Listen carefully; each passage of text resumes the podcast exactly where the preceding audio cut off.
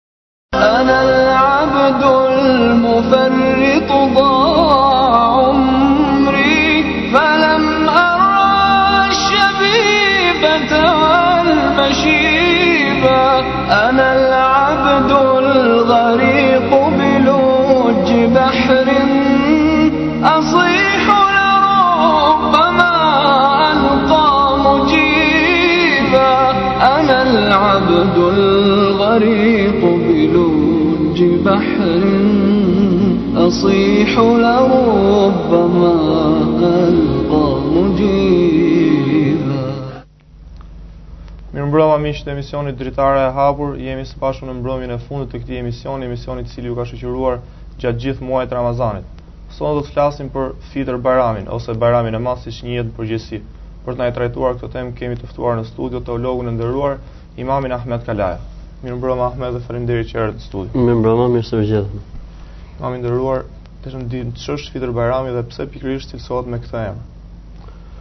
Me emrin e Allahut të gjithëmëshirshmit, mëshiruesit, falënderojmë Allahun, Zotin e botrave, bekimet e tij qofshin mbi Muhamedin alayhi salatu wassalam. normalisht, domethënë besimtari me mbarimin e Ramazanit kthehet në gjendjen e tij normale. Për këtë arsye dhe është quajtur ky ky Bajram ose kjo festë, sepse Bajram do të thotë festë. Është quajtur me këtë emër, që do të thotë kthim në normalitet. Do të thonë normalisht besimtari për 30 ditë ose për 29 ditë, do të thonë sa sa të jetë Ramazani, privohet nga e ngrëna, nga e pira, nga marrëdhëniet intime me bashkëshorten, deri nga agimi deri në perëndim të diellit dhe mbasi mbaron muaji i Ramazanit ai kthen, kthehet në gjendjen e tij normale. Fitër do të thotë normalitet, pra kthim në normalitet, njeriu kthehet në jetën e tij normale. Ë për këtë arsye ka marrë dhe këtë emër. Është quajtur i thonë dhe Bajrami i madh me kuptimin e asaj që me vërtet besimtari ka kaluar një muaj sakrificë dhe mbas një muaji pret shpërblimin prej Zotit dhe normalisht meriton që të quhet me këtë emër. Bajrami është festa e muslimanëve, sepse ë profeti i Zotit alayhi salatu wasalam i gjeti banorët e Medinës që kishin festa të trashëguara nga koha para islamike dhe ju tha Zoti i Madh të gjitha festat para islamike u ka zëvendësuar me dy festa, festa e Fitër Bajramit dhe festa e Kurban Bajramit, pra këto janë festat më specifike që besimtari ka në jetën e tij, festa që dallohen nga festat e tjera jo islame, se ato ripërsërisin në vetvete mirësitë dhe begatitë e Zotit dhe nuk është thjesht një përkujtim. Do të thonë festa në gjuhën arabe quhet Eid. Eid do të thotë diçka që ripërtërihet. Pra nuk është thjesht një kujtim, ka ndodhur në këtë kohë diçka dhe ne po përsërisim thjesht datën ose rikujtojmë datën. Festat në Islam nuk janë të kësaj natyre. Festat në Islam ripërtërijnë dhe rikthejnë edhe njëherë origjinën e qëllimit për të cilin është bërë kjo festë. Për shembull, dita e xhuma. Mirësitë e ditës xhuma dhe vlerat e ditës xhuma përsëriten çdo xhuma. Nuk është vetëm në xhuman e parë që është fal profeti, ka ndodhur pra, diçka. Nuk është thjesht një përkujtim mbi të kaluarën. Jo, është diçka që përsëritet vazhdimisht. Po kështu dhe Fitër Bajrami është diçka që përsëritet përsërit që do të thotë janë të njëjtat veprime që kryhen, janë të njëjtat dëshira që realizohen, janë të njëjtat shpresa që besimtari pret që t'i plotësohen në këtë ditë, në këtë ditë është i njëjti shpërblim, është e njëjta mirësi e Zotit mbi robët e tij që ndodh të derdhet pra ditën e Bajramit, gjë që ndodh në çdo Bajram. Po kështu edhe në Bajramin tjetër, pra gjëra që janë të përsëritshme, gjëra që vazhdimisht kthehen tek besimtari me mirësi dhe me begati. Për këtë arsye janë quajtur edhe me këtë emër. Ndërsa fitër ka këtë kuptim. Ë ka dhe një interpretim tjetër pse është quajtur me këtë emër Fitër Bajrami, sepse kanë thënë në këtë bajram, ndryshe nga bajramet e tjera, besimtari lidhet me një lloj adhurimi që quhet adhurimi i sadakas së fitrit. Pra në fund Ramazanit çdo besimtar obligohet që të japë një lëmoshë për të varfrit. Çdonjë që ka agjëruar Ramazanin, që është për muslimanëve obligohet që të nxjerrë sadakanë e fitrit. Normalisht sadakaja e fitrit, fitr bajrami. Pra është quajtur me këtë emër sepse nuk mund të quhet i saktë agjërimi, as bajrami, nëse nuk i jepet kjo lloj lëmoshe, si me thënë, kjo është një festë që i gëzon të varfrit nëpërmjet kësaj lëmoshe që japin besimtarët përpara se të falet falja e Bajramit. Për këtë arsye profeti i Zotit ka thënë, nëse jepet sadakaja e fitrit para Bajramit, e ka shpërblimin për sadakan e fitrit. Dhe nëse jepet mbas Bajramit, bie shpërblimi i saj. Nuk quhet më sadaka fitri, po thjesht sadaka e rëndomtë ose normale.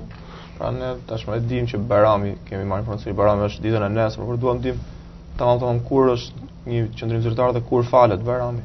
Orari i faljes. Bajrami si festë ka filluar qysh sot me namazin e akshamit.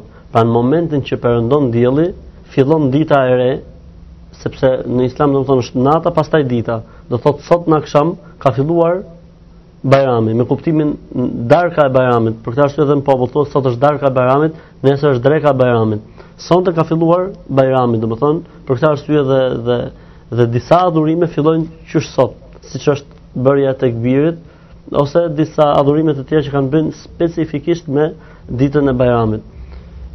Për këtë arsye ka filluar sonte, ndërsa nesër do të kryhet falja e Bajramit, e cila me shpresën e Zotit, nëse kushtet atmosferike do të jenë të përshtatshme, do të jetë në shesh dhe do të kryhet me shpresën e Zotit në orën 7:05 minuta. Normalisht besimtarët duhet të prezantojnë më herët për shkak të vendit, për shkak të të renditjeve dhe programit që do të ketë normalisht kryerja e këtij, e këtij riti e, e faljes Bajramit. Sapo u tha që ka filluar që sot në, në mbrëmje kjo festë, sa zgjat kjo festë, deri kur zgjat, deri kur quhet Bajram? Mm, ne kemi dy Bajrame, Bajrami i madh ose fitër Bajrami, pra ky Bajrami që ne do të kemi do të falim nesër dhe që jemi në të sonte, dhe kemi Kurban Bajramin, pra festa e Kurban Bajramit, ka marrë këtë emër sepse aty kryhet edhe akti i Kurbanit. Bajrami i nesërm, ose Bajrami në cilin ne sa po kemi hyrë ose trokitur, zgjat vetëm një ditë, me kuptimin fetar, zgjat vetëm një ditë, ndërsa Bajrami i Kurbanit zgjat e, 1 plus 3 ditë, pra 4 ditë. Ky zgjat vetëm një ditë, ndërsa ai tjetri zgjat 3 plus 1, domethënë 4 ditë. Kjo është zgjatja e këtij Bajrami me përfundimin e ditës. Me përfundimin e ditës përfundon edhe edhe festa e Bajramit. Si mundet që njerëzit ta festojnë më së miri këtë festë më tjetër inshallah, si mund ta festojnë këtë festë, çfarë bëhet gjatë kësaj feste? Normalisht kjo festë që të marrë kuptimin e plotë të festës duhet që besimtari t'i përmbahet kodit etik të festës së Bajramit. Për shembull, përmendja e Zotit në atë formë që ne thamë, sidomos duke bërë sa më shumë tekbir deri në momentin kur do të falet namazi i Bajramit. Ë është mirë që besimtari në këtë ditë të lahet, pastrohet, të parfumoset me parfumin më të mirë që ka dhe të veshë rrobat më të mira që ai ka. Pra kjo gjë pëlqehet ditën e Bajramit. Gjithashtu është mirë që besimtari ditën e Bajramit mos të dali për të fal Bajramin në qoftë se nuk ka ngrënë diçka, pra duhet që besimtari duhet hajë diçka përpara se të dali me me fal namazin e Bajramit, sepse fitër Bajram do thotë se besimtari është kthyer në normalitet. Do thotë që besimtari përpara se të dali të fali Bajramin, ushqehet me diçka, hurma ose diçka tjetër dhe pastaj del për fal Bajramin. Është mirë që besimtari nëse del në një rrugë për të falur Bajramin të kthehet në një rrugë tjetër, pra mos të kthehet në të njëjtën rrugë. Vetëm nëse nuk e ka mundësi, është çështje tjetër, por nëse i jepet mundësia që mos të kthehet në të njëjtën rrugë, le ta bëjë domethënë. Prej gjërave që janë pëlqyeshme, pëlqyeshme në këtë Bajram është që besimtari të jetë i kujdesshëm ndaj kohës së sadakas fitrit. Pra duhet ta japë atë përpara se të vijë koha e namazit të Bajramit. E namazit apo e drekës Bajramit? E namazit Bajramit. Pra duhet ta japë para orës 7:05. Nëse kalon ora 7:05 do thotë s'është më nuk e ka ligjin e fitër bajramit, e, e sadakas fitrit. Duhet që besimtari në këtë ditë të dali dhe të falet në shesh me besimtarët e tjerë, me muslimanët e tjerë. Pra nuk është mirë që besimtari të shkëputet nga grupi i besimtarëve, po të gjithë xhamiat duhet të derdhen në shesh nesër në mënyrë që të kryhet falja bashkërisht. ë Domethënë duhet që besimtari ditën e Bajramit të jetë i kujdesshëm ndaj kryerjes së rregullt të namazit të Bajramit, i cili do të kryhet në shesh me të gjithë besimtarët dhe besimtaret. Madje pëlqehet që në ditën e Bajramit të dalin edhe fëmijët, të dalin edhe gratë, të dalin gjithë familjarët, pavarësisht se nuk falen për arsye që nuk falen, siç është rasti i gruas që mund të jetë me menstruacion ose me lehoni, po s'ka problem, le të dalin në shesh. ose edhe njerëzit e tjerë që të cilët apo ndoshta akoma nuk kanë arrit atë fazën që falin namazin, por le të dalin në shesh, profeti tha, le të prezantojnë aty ku falen muslimanët në mënyrë që të marrin bekimet e Zotit bashkë me grumbullin e madh të besimtarëve. Kështu që duhet që njerëzit dalin të gjithë në ato vende ku kryhet dhe falja e Bajramit. Po për, për sa i përket atyre që cila është më e mira, domethënë për atyre që duhet të shpenzojnë, çfarë duhet të bëjnë gjatë këtij Bajrami për të përgatitur, domethënë për ta festuar sa më mirë. për lidhje me shpenzimet ose ato që kanë apo varet nga mundësitë që kanë, nëse kanë ndonjë pëlqim të veçantë. Normalisht nuk ka ky ky Bajram, Bajrami i Fitrit, Fitr Bajrami, nuk ka diçka të veçantë në kuptimin e një harxhimi të caktuar apo ofrimit të një sakrifice, siç është rasti i Bajramit tjetër që duhet bërë një kurban etj etj. Ktu çështja është më e lehtë, më e thjeshtë, besimtari brenda mundësive të tij mundohet që të fusë gëzim në këtë ditë dhe lumturi tek familja, tek familja e tij, tek fëmijët e tij, tek bashkëshortja e tij, tek prindërit e tij, mundohet të kujtojë farefisin e tij, sepse normalisht kjo është një ditë gëzimi dhe lumturie. Ajo që është shumë e rëndësishme në këtë ditë Bajrami është dhe hallalliku. Pra duhet që besimtarët në këtë ditë të falin njëri tjetrin sa më shumë, nëse duan që t'i falë Zoti, ato duhet të falin njëri tjetrin. Profeti alayhis salam tha mëshironi ata që janë në tokë, që t'ju mëshirojë juve ai që është në qiell. Ai që i fal njerëzit do ta falë atë Zoti. Kështu që besimtari në këtë ditë fal dhe toleron dhe bën hallall shumë sepse dëshiron prej Zotit tij që edhe Zoti atë ta falë. Profeti Muhammed alayhis salam thot, ditën e gjykimit do të dalë përpara Zotit një njeri i cili ka pas një tregtar në jetën e kësaj bote. Dhe do i thot Zoti melaikeve, engjëjve, sillni punët e robit tim. Do thonë Zoti jon, ky nuk është se ka ndonjë punë të madhe, Thot Zoti po çfarë ka ky më të veçantë? Thonë o Zot ky ka diçka shumë specifike në jetën e tij. Thot Zoti çfarë ka? Zoti e din shumë mirë, po për të qenë argument për njerëzit e tjerë që dëgjojnë këtë dialog. Thot Zoti po çfarë ka robi im? Dhe ai e din shumë mirë se çfarë ka robi i tij. Thonë o Zot ynë, ky ka pas një punë. Kush kishte të paguante e ja merrte dhe kush nuk kishte, thoshte faleni se ndoshta dhe Zoti do të na fali edhe. Tha Zoti i Madh, ne meritojmë më shumë ta falim robin ton se sa ky ka fal njerëzit dhe e fali Zoti e bëri prej banorëve të xhenetit. Kështu që falja e njerëzve është virtyt shumë i lartë që duhet të aspirojë te ai besimtari dhe besimtarja. Sidomos në ditën e Bajramit është koha ku nuk duhet të ketë zili, ku nuk duhet të ketë bojkote, ku nuk duhet të ketë inate, ku nuk duhet të ketë gjëra të vjetra të zgjuara, mirë është që besimtari ditën e Bajramit të hapi fletë të bardha, me vëllezërit e tij apo motra besimtare me motrat e saj, se ndoshta dhe Zoti me të hapë një fletë të bardhë, fletë falje dhe mëshire. Pra imam i nderuar meqë në këto ditë të Bajramit, domethënë kemi parë shpesh shumë njerëz që falen, shumë njerëz që frekuentojnë faljen e, e namazit Bajramit në shesh. Mund të jepni një përkufizim se si falet se ka këto njerëz që nuk falen rregullisht, por shkojnë falin vetëm këtë ditë të shkputur nga gjithë viti. Mund mund të na jepni disa rregulla kryesore ose gjëra kryesore për të kryer këtë namaz. normalisht kur shkohet në vendin ku falet Bajrami në namazgja ose në shesh, domethënë ku do të falet aktualisht në sheshin pranë xhamisë Et'hem Beu, ë duhet të ketë parasysh se nuk ka pse besimtari kur shkon në, në atë vend ku do të falet Bajrami të fali dy rekatëshin siç falet kur futet në xhami.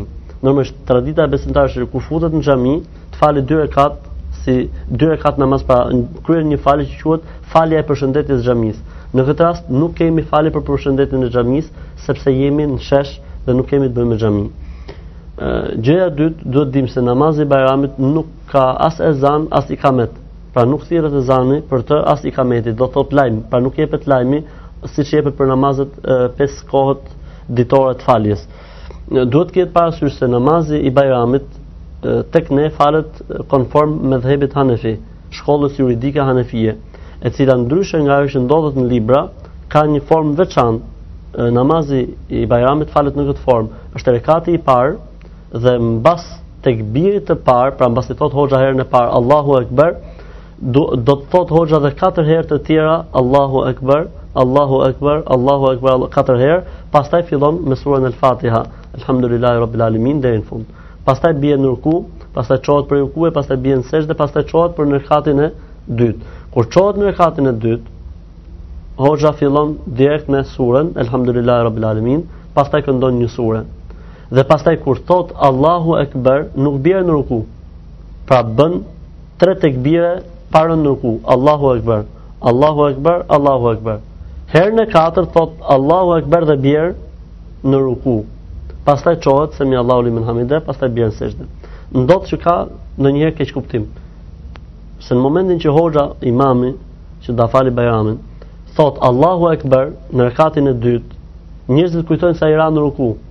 Kur thot Allahu Ekber herën e dytë, njerëzit çohen prej rukuje, ndërkohë që ai akoma s'ka rënë në ruku. Kur ai thot Allahu Ekber herën e tretë, njerëzit kanë rënë në sexhde, ndërkohë që ai akoma s'ka rënë në ruku. Kur ai thot herën e katërt Allahu Ekber, që ka rënë në ruku, njerëzit janë çuar prej sexhdes së parë dhe bëhet një lëmsh dhe bëhet një paqartësi. Për këtë arsye normalisht është bërë si traditë që sqarohet kjo punë, mirëpo fonia bën punën e vet, po edhe mosnjohja e namazit të Bajramit në këtë formë, domethënë nga njerëzit bën punën e vet, kështu që ndodh ndonjëherë, domethënë një lloj përplasje. E rëndësishme është të jenë të kujdesshëm në ndjekjen e atij që udhëheq faljen. E rëndësishme është të ndiqet ai i cili udhëheq faljen në mënyrë se si ai vepron. Dhe pjesa tjetër pastaj është e tolerueshme, Zoti fal dhe mëshiron kur njerëzit gabojnë pa dashje.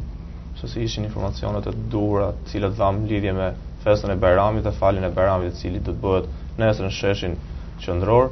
Do kalojmë në pjesën e dytë të këtij emisioni ku do të trajtojmë emailet që ju na keni dërguar në adresën e emisionit dritarehapur2@yahoo.com. Do të shkëputemi për pak minuta dhe do rikthehemi sërish në studio.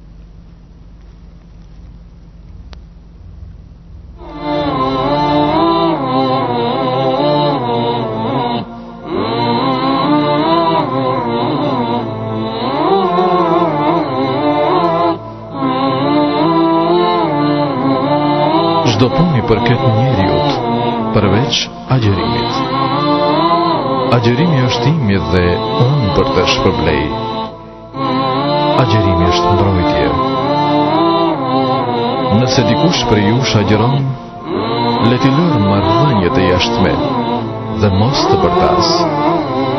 E nëse dikush e shan apo dëshiron të rrihet, le të thotë, unë jam njeri që agjëroj. Pasha atë në duart e të cilit është shpirti i Muhamedit,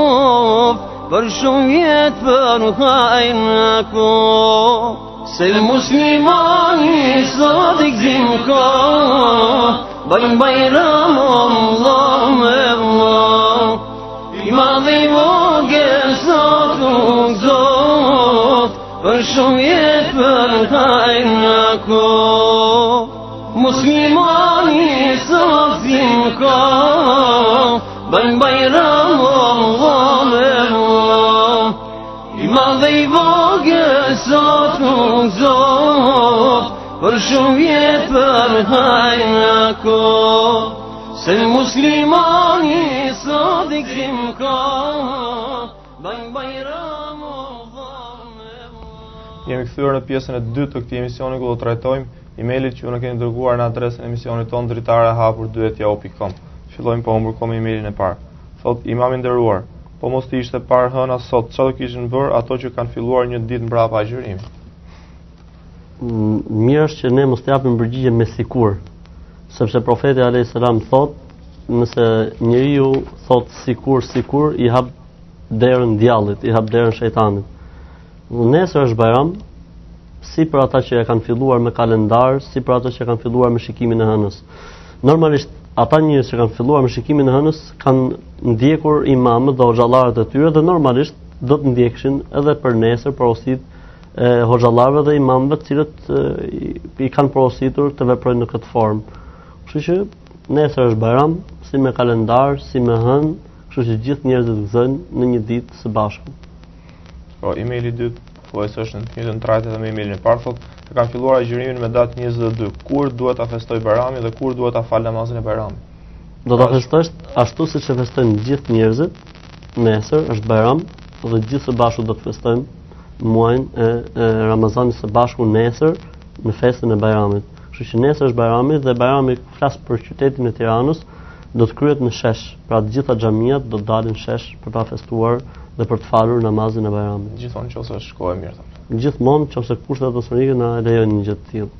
SMS-ja e tretë thotë, a lejohet prishja e kontratës në qoftë se keni rënë dakord një herë me një njeri, do të keni shkruar një kontratë dhe të vjen dikush dhe të jep një ofertë më të mirë. Nuk lejohet, nëse njeriu ka ka bërë një kontratë, ka bërë një marrëveshje dhe për të është rënë dakord, nuk lejohet që kjo marrëveshje të prishet për shkak të një oferte më të mirë që mund t'i vijë njeriut. Që pra në qoftë se është nënshkruar kontrata, është arritur një marrëveshje. Pra. Është arritur marrëveshja, është nënshkruar kontrata, ajo është njësoj sikur të jetë e kushtëzuar, domethënë, kështu që dalja prej saj normalisht është është e ndaluar. Mirë, ti e thotë si është forma e shpirtit të njeriut pasi vdes, a mund të shihet? Normalisht Zoti i Madh i drejtohet Muhamedit alayhi salatu wasalam në një ajet kuranor dhe i thotë Yes'alunaka 'anir ruh, qulir ruhu min amri rabbi wa ma utitu min al-'ilmi illa qalila. O Muhammed alayhi salatu wasalam, ty do të pyesin për shpirtin, thuaj shpirti është për çështje prej çështjeve të Zotit tim dhe juve nuk u është dhënë prej dijes veç pak. Pra, prej dijes për shpirtin nuk u është dhënë asgjë. Kështu që shpirti mbetet në thonjëza një enigmë, një fshehtë, çështje prej çështjeve të gajbit që njeriu nuk ka mundësi të depërtoj shumë të. Me të vërtet shpirti del nga trupi i njeriut, po është e pamundur për t'u kapur nga shqisat njerëzore ose nga perceptimi njerëzor. Pra mbetet diçka që është besim i gajbit, besim i fshehtë, diçka që lidhet me metafizikën, pra me atë që nuk është e prekshme. Dërguesi tjetër thotë Prindërit e mi thot nuk janë ateist, sepse shkaku që unë jam bërë musliman janë ato sepse shpesh herë më flisnin për Zotin, për moralin dhe mirësinë që ka në njohjen e Zotit. Dhe mami im ka 6 vjet që agjëron thot, por ato shkojnë në vendet e mira dhe ju besojnë ju, bes, ju besojnë ca edhe atyre vendeve të mira. Si qëndron agjërimi i tyre thot, si qëndron halli i tyre. Domethënë ka mbajtur ato agjërim.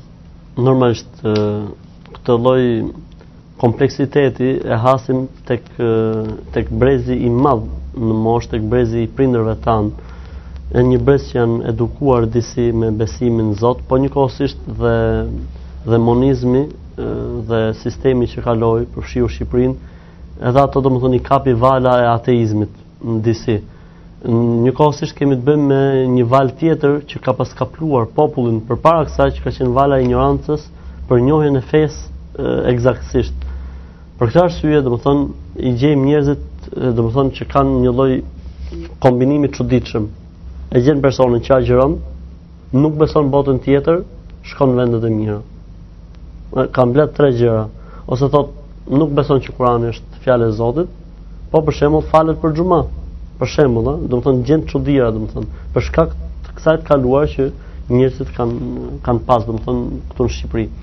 Rastin në fjalë, për shembull thot, nuk janë ateist, sepse i kanë fol fëmijës tyre për Zotin dhe besimin në Zot.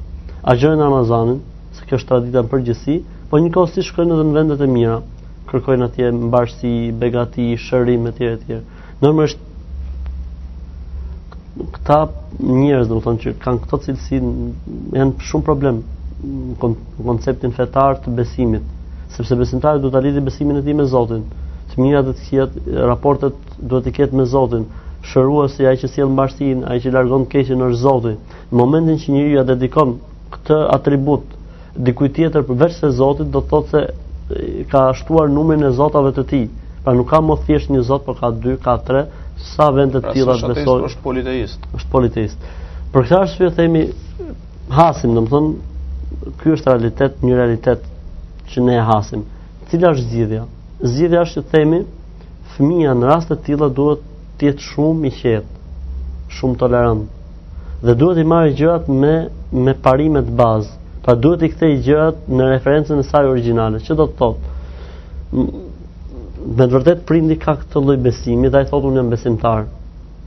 Në këtë rast i themi prindit, çdo të thotë me qenë besimtar. Atëherë këtij prindi ka nevojë që t'i flitet më shumë për Zotin, që ta njohi më mirë Zotin.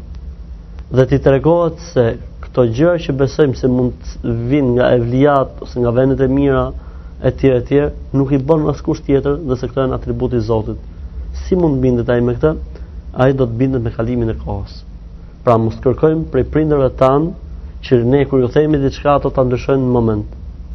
Ka nevojë që të kalojë një kohë që ato të binden dhe ne duhet të flasim vazhdimisht, porse e folmja jonë dhe komunikimi jonë duhet të jetë brenda normave të edukatës, të etikës, moralit, duhet të jetë i shoqëruar me qetësi, duhet të jetë i shoqëruar me maturi, duhet të jetë i shoqëruar me butësi, duhet të jetë i shoqëruar me qetësi dhe kjo është më e rëndësishmja.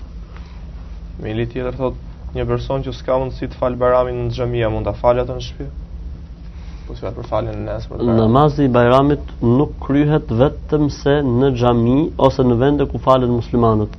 Nëse një person ka një punë ose ka një angazhim që nuk mund të shkëputet, atëherë mund ta falë dy rekat në shtëpi ose në punë ose në zyrë. Domethënë si të jetë puna e tij, domethënë në arë ku dëgjon. Domethënë rëndësishme ai që nuk ka mundësi ta fali ose vjen me vonesë për shembull dhe i ka ik namazi i Bajramit, i fal dy rekat nafile, pra thjesht dy rekat të thjeshta, kudo që të jetë ai. Pra dy rekat sikur falen normalisht, jo me me ato rregullat që i falen Bajramit. Jo, jo, jo me rregullat e Bajramit. Dy rekat të thjeshta. Ku e meri tjetër thotë, unë agjërova vetëm sot, si bëhet, a m'lejohet të dal nesër të fal namazin e Bajramit? Normalisht që lejohet. Normalisht që namazi i Bajramit është gjë tjetër, agjërimi i Ramazanit është gjë tjetër. Pra, pse njeriu mund të ketë bërë gabim, nuk do të thotë se duhet ta shoqërojë gabimin me një gabim tjetër. Përkundrazi, nëse ti sot ke agjëruar dhe nesër do të dalësh me fal Bajramin, kjo është një shenjë e mirë për ty. Do të thotë se ti të mirën po e shoqëron me një të mirë tjetër. Kështu që Shumë mirë, të dalësh për ta fal Bajramin e inshallah Zoti i madh do të udhëzojë edhe më tutje edhe më tej. Ose ky është emaili i fundit që na ka mbërritur për sot, thotë po në qoftë se të ikën Bajrami apo të ikën sadakaja e fitrit për një arsye ose një tjetër pa dhën, a të quhet agjërimi? Nëse njëri të ikën sadakaja e fitrit pa dhën për ndonjë arsye, shifet arsyeja, sepse arsyeja mund të jetë neglizhencë dhe Neglizhenca nuk është arsye. Arsyeja mund të jetë harresa, harresa është arsye.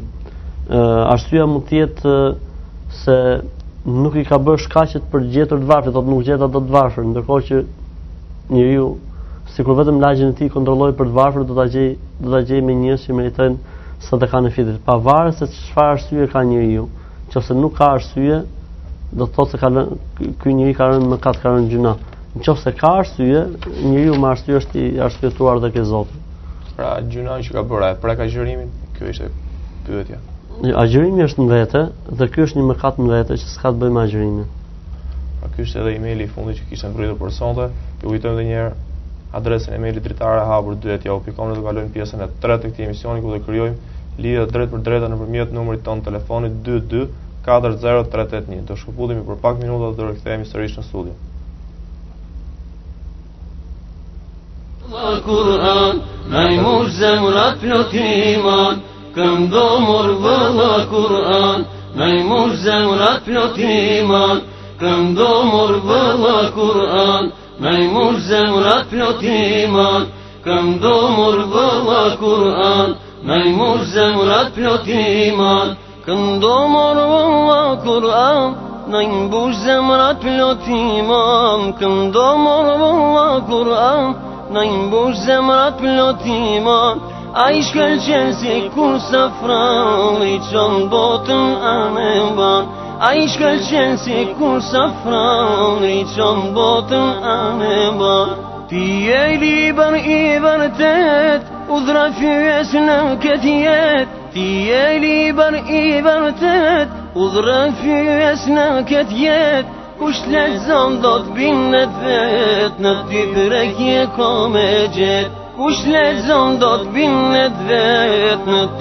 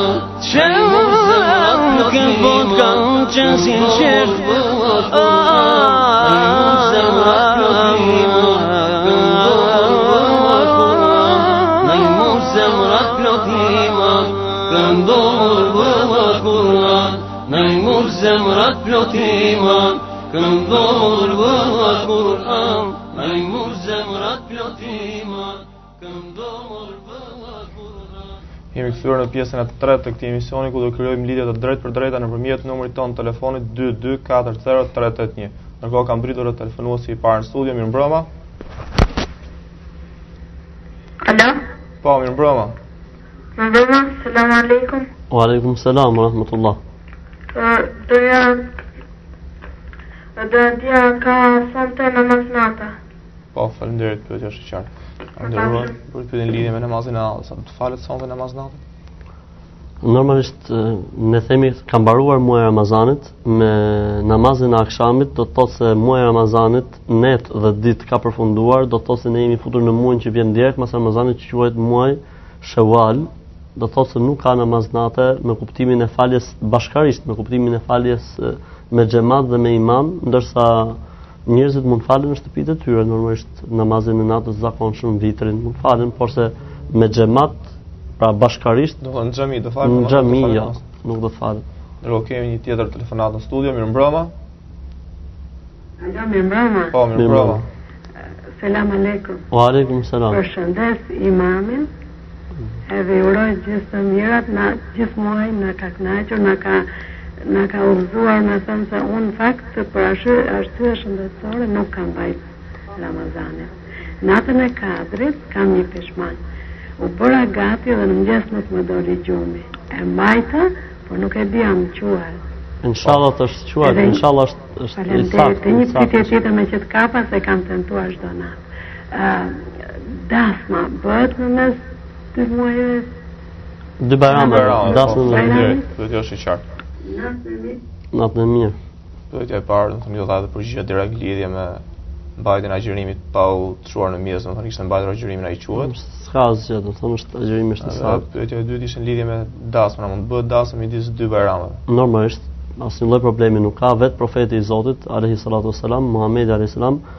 është martuar me Aishën radiallahu anha menjëherë mbas bajramit të Ramazanit.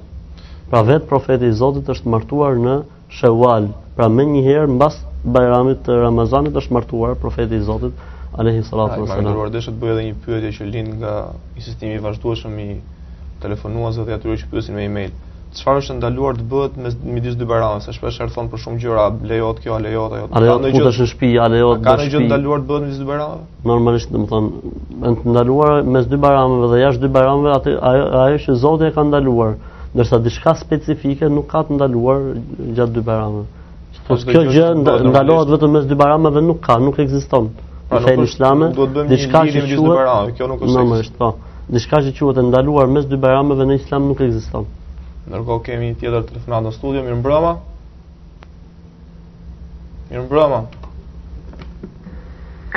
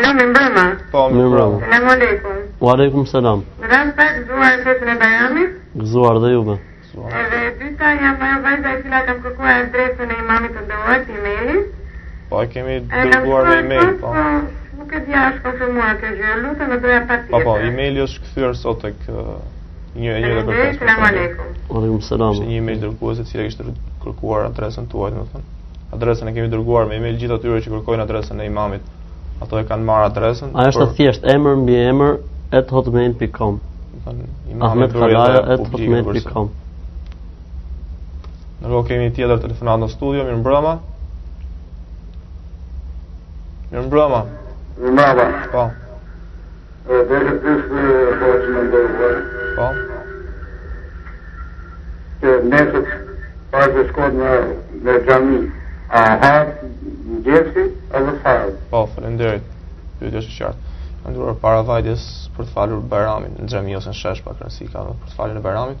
Po të ha diçka në mjes, a ha mëngjesin e zakonshëm. Normalisht ne përmendim kur folim për rregullat e Bajramit, është mirë që njeriu në namazin e Bajramit, në Bajramin e Fitrit, pra në këtë Bajramin e parë që është Bajrami i Ramazanit, është mirë që të hajë diçka në mëngjes përpara se të shkojë të falet. Ndryshe nga Bajrami i Kurbanit,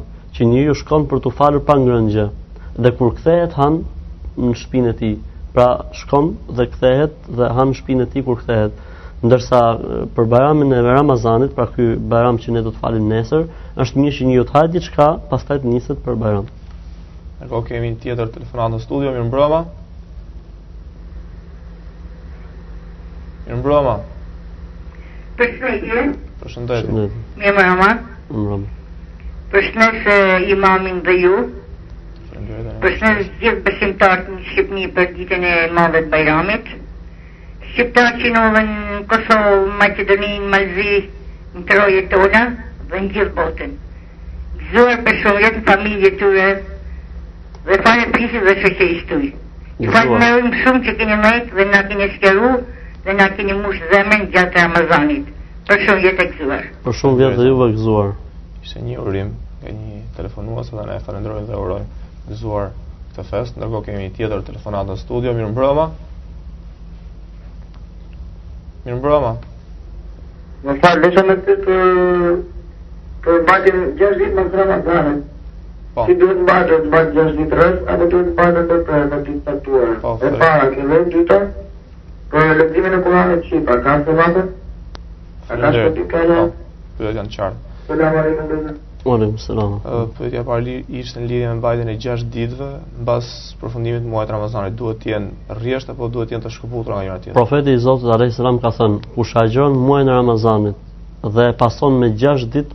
Prej muajit Shawal, Zoti jo, prej muajit, prej muajit Shawal, Zoti do të japë shpërblimin sikur ka agjëruar gjithë vitin, sepse vazhdon hadithi, thotë sepse Zoti kush shpërblen shpërblen 10. Dhe në momentin që njeriu agjëron një muaj, sikur ka agjëruar 300 ditë, dhe agjëron dhe këto 6 ditë, sikur ka agjëruar 60 ditë, pra 360 ditë. Nuk është kusht që këto ditë të kryhen njëra mbas tjetrës, Këto ditë mund të kryhen të ndara, pa asnjë problem. Po, e rëndësishme të jenë brenda këtij muaji që është që fillon me ditën e parë mbas Bajramit. Do të thotë bie deri nga data 20 tetor, një gjë e tillë. Varet, domethënë sa qëllon muaji hënor, po e rëndësishme një muaj nga dita e Bajramit, domethënë.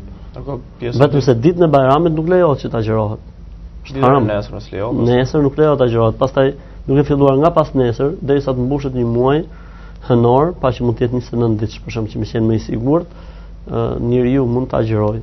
A po, pyetja e dytë ishte a, a merr sevap njeriu që lexon Kur'anin shqip? Normalisht që merr sevap, sepse ai kupton çka ka thënë Zoti. Dhe normalisht çdo besimtar duhet ta lexojë Kur'anin në gjuhën shqipe në mënyrë që të dijë se çfarë ka thënë Zoti i tij. Kështu që pa pa dyshim që ka shpërblim ke Zoti nëse Kur'ani lexohet në gjuhën shqipe. A po, kemi tjetër telefonatë në studio? Po. Po, mirëmbrëma. Alo, salamu alaikum. Wa alaikum salam. Desha të përshëndes imamin e dritës islame në Shqipëri. E përshëndes përzemërsisht, Allahi e shpërbleftë me xhenet, atë në atë xhenet që i dëshiron zemra atij, familjen e tij, prindit e tij, edhe gjithë imamllarët që janë ideologë si imam Ahmed Kalaja.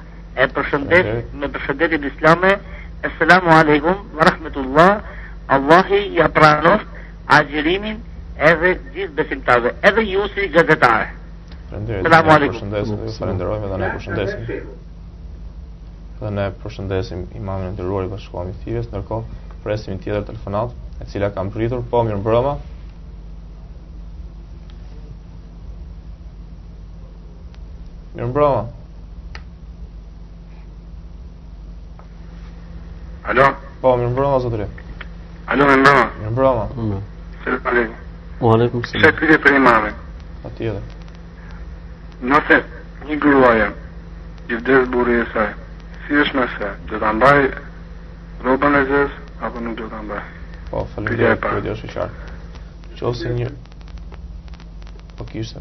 Po, pyetja e parë. Në qoftë se një grua, një grua i vdes burri i saj, duhet ta mbajë rrobën e zezë apo nuk duhet ta mbajë?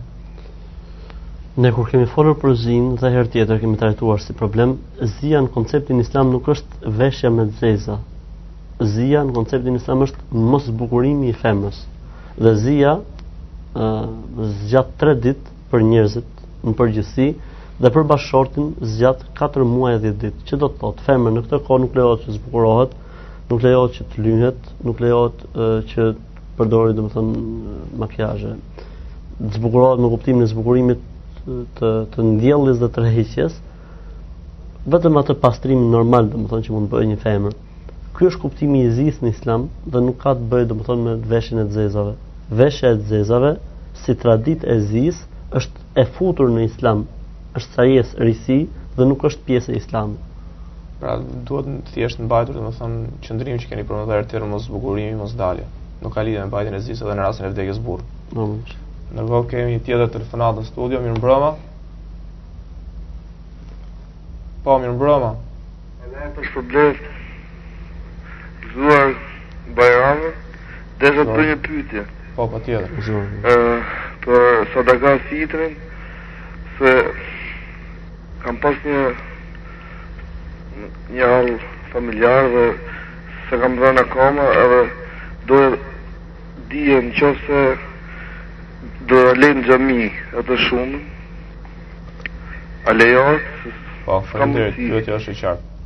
I nderuar, në lidhje me sadakanë fitër thotë për probleme familjare, për hallet familjare thotë, nuk e kam dhënë akoma atë sadakanë e fitrit. Në qoftë se unë thotë atë shumë, të cilën e kam për detyrë ta jap e lë në xhami, me nijetin e kësaj sadakaje, pranohet sadaka e fitrit? Sadaka e fitrit duhet të shkojë tek i varfëri musliman.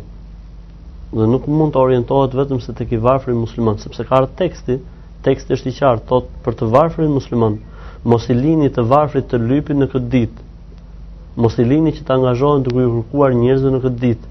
Pra, mesazhi është që në këtë ditë është ditë gëzimi dhe nuk duhet të ketë njerëz që vuajnë për bukën e gojës. Të paktën nuk duhet të ketë. Në këtë ditë nuk duhet të ketë vazhdimisht dhe muslimanët duhet të jenë duhet të ngrejnë strategji që mos të ketë varfër në mesin e tyre.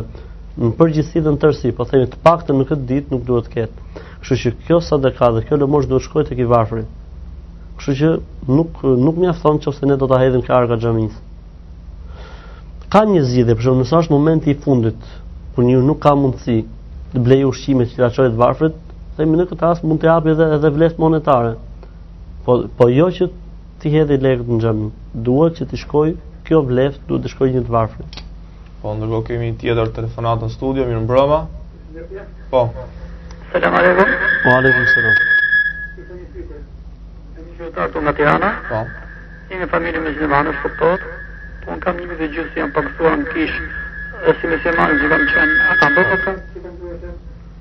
Po, Që po vëzhgon kish? Po, kjo është qartë. Sot jemi një familje muslimane nga Tirana, thotë, por unë jam pagëzuar në kishë, kam bërë mëkat për këtë që kam bërë. Normalisht, domethënë, e drejta e besimit dhe mënyra se si njeriu beson, është, është mënyra se si ai e koncepton fenë dhe besimin. Dhe normalisht njeriu nuk mund të quhet musliman në origjinë, qoftë se ai nuk e ka kuptuar fenë e tij dhe nuk e njeh fenë e tij. Pra në momentin që njeriu i thotë vetes musliman, në radhë të parë duhet të njohi Zotin. Në radhë të dytë duhet të njohi librin që i referohen muslimanët. Në radhë të tretë duhet të njohi profetin Muhammed alayhi salatu wasalam. Ky është muslimani i vërtetë. Vallë një zgjedhje e tillë është bërë mbas kësaj koshiencë apo thjesht ka qenë një musliman dhe pastaj ka parë të arsyeshme një zgjedhje të tillë. E rëndësishme, domethënë ne ne si musliman themi se Feja e vetme e pranuar tek Zoti është Islami.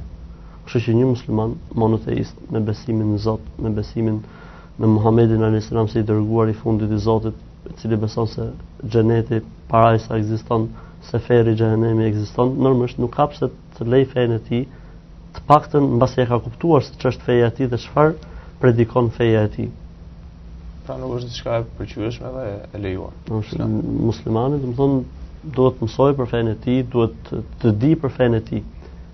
Të kuptojë një herë fenë e tij. Nëse nëse i ka hedhë këto hapa dhe pastaj ka bërë një zgjidhje është çështje e tij, Por në përgjithësi, në përgjithësi ndodh që njerëzit që kalojnë, domethënë nuk e njohin fenë e tyre.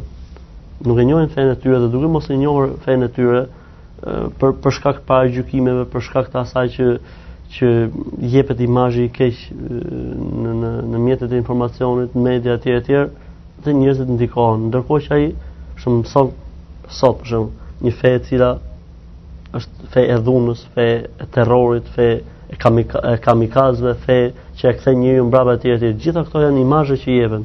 Ndërkohë që kur njeriu studion fe nuk gjen as dhunën, nuk gjen as terrorin, nuk gjen as mbetjen prapa, po gjen përparimin, shkencën, zhvillimin, gjen mrekullit shkencore që janë pjesë e pandarë e librit të Zotit dhe traditës së profetit Muhammed alayhi salatu wasalam.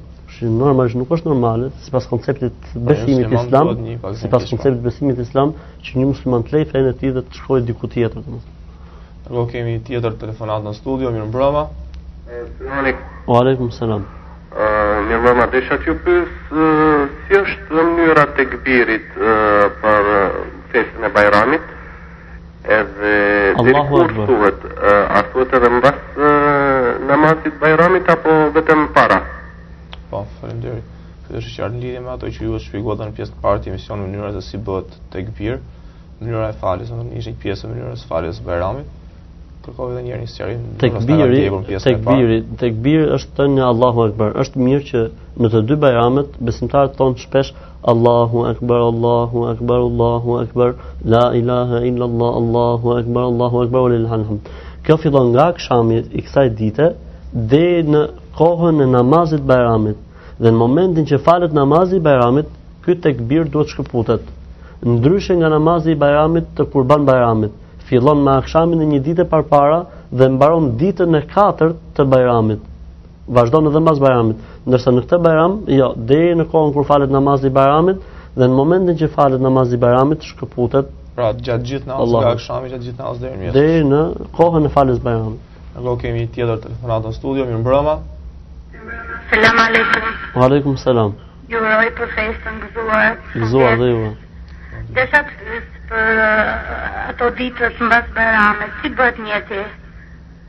Po, faleminderit. Po. Lidhje me 6 ditëshin pas Bajramit që plotësimi që kishim dhe një pyetje tjetër si bëhet nijeti. Nijeti thjesht 6 ditë që përcjellin Ramazanin. Pra qëllimi jot është 6 ditë që pasojnë muajin Ramazan. Ka nuk ka përkufizim. Jo, nuk ka përkufizim, thjesht me zemër dhe me bindje e ti e din që po kryen 6 ditëshin që shoqëron Ramazanin. Apo kemi tjetër telefonatë në studio, mirëmbrëma.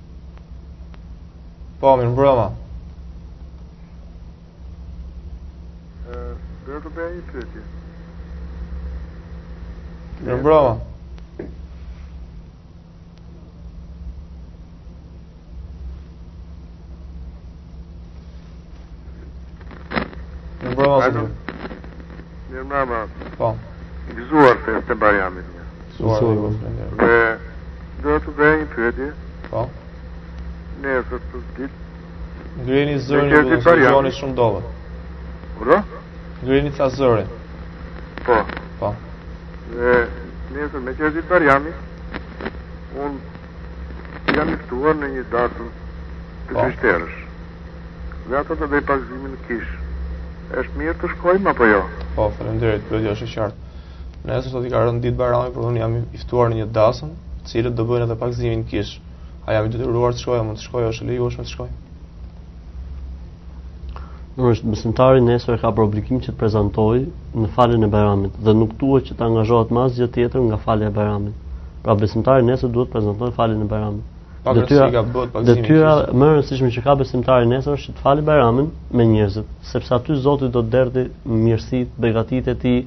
Zoti domethënë i mëshiron njerëzit që prezantojnë në ato momente për Bajram, derdh mirësitë e tij dhe begatitë e tij me njerëzit që prezantojnë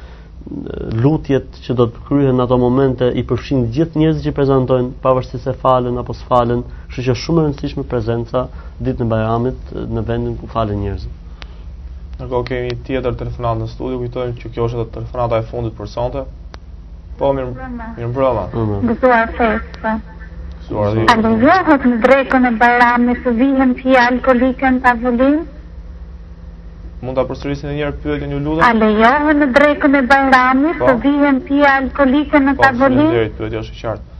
A lejohen që në drekën e Bajramit të vendosen pije alkolike në tavolinë? As në drekën e Bajramit dhe as jashtë drekës Bajramit, as para drekës Bajramit, as mbas drekës Bajramit nuk lejohen që në tavolinën ku ku muslimani ushqehet të ketë pije alkolike. Pra nuk ka dallim me drekën e Bajramit apo me darkën e Bajramit apo ditët e tjera. Pra, Profeti i jo. Zotit ka ndaluar që në tryezën e muslimanit të ketë pije alkoolike. Po të nderuar teleshikues, ky ishte emisioni i cili ishte edhe për sonte, për cilin folëm për natën e Bajramit, emisioni i cili ju ka shoqëruar gjatë gjithë muajit të Ramazanit. Ju falenderojmë gjithë ata që na keni ndjekur gjatë gjithë këtij muaji përgjatë këtyre orëve të vona. Kujtojmë edhe një herë që këtë emision e keni ndjekur për natë në të njëjtën orë do t'i japim fjalën edhe një herë imamit të nderuar që të bëjë urimin e tij lidhje me festën e Bajramit, e cila është ka filluar që me akshamin e sotëm dhe do të zgjasë gjatë dit, gjatë gjithë ditës nesër. Imam i nderuar, keni një urim për të bërë për të gjithë ato që na ndjekin? Uh, urimi im është fat dhe mbarësi sjelltë kjo festë, ky Bajram në shoqërinë tonë, në vendin tonë, familjet tona, dhe për shqiptarët kudo që ndodhen dhe për gjithë besimtarët dhe besimtaret kudo që janë dhe për gjithë njerëzinë, për gjithë njerëzit kudo që janë Zoti bëftë këtë festë, festë mirësie dhe begatie, festë paqe dhe lumturie. Dhe unë njëkohësisht ju uroj gëzuar festën e Bajramit dhe ju falenderoj sinqerisht për uh, ndjekjen që na keni bërë dhe për interesimin që keni patur për emisionin tonë. Natën e mirë dhe mirutakofsh.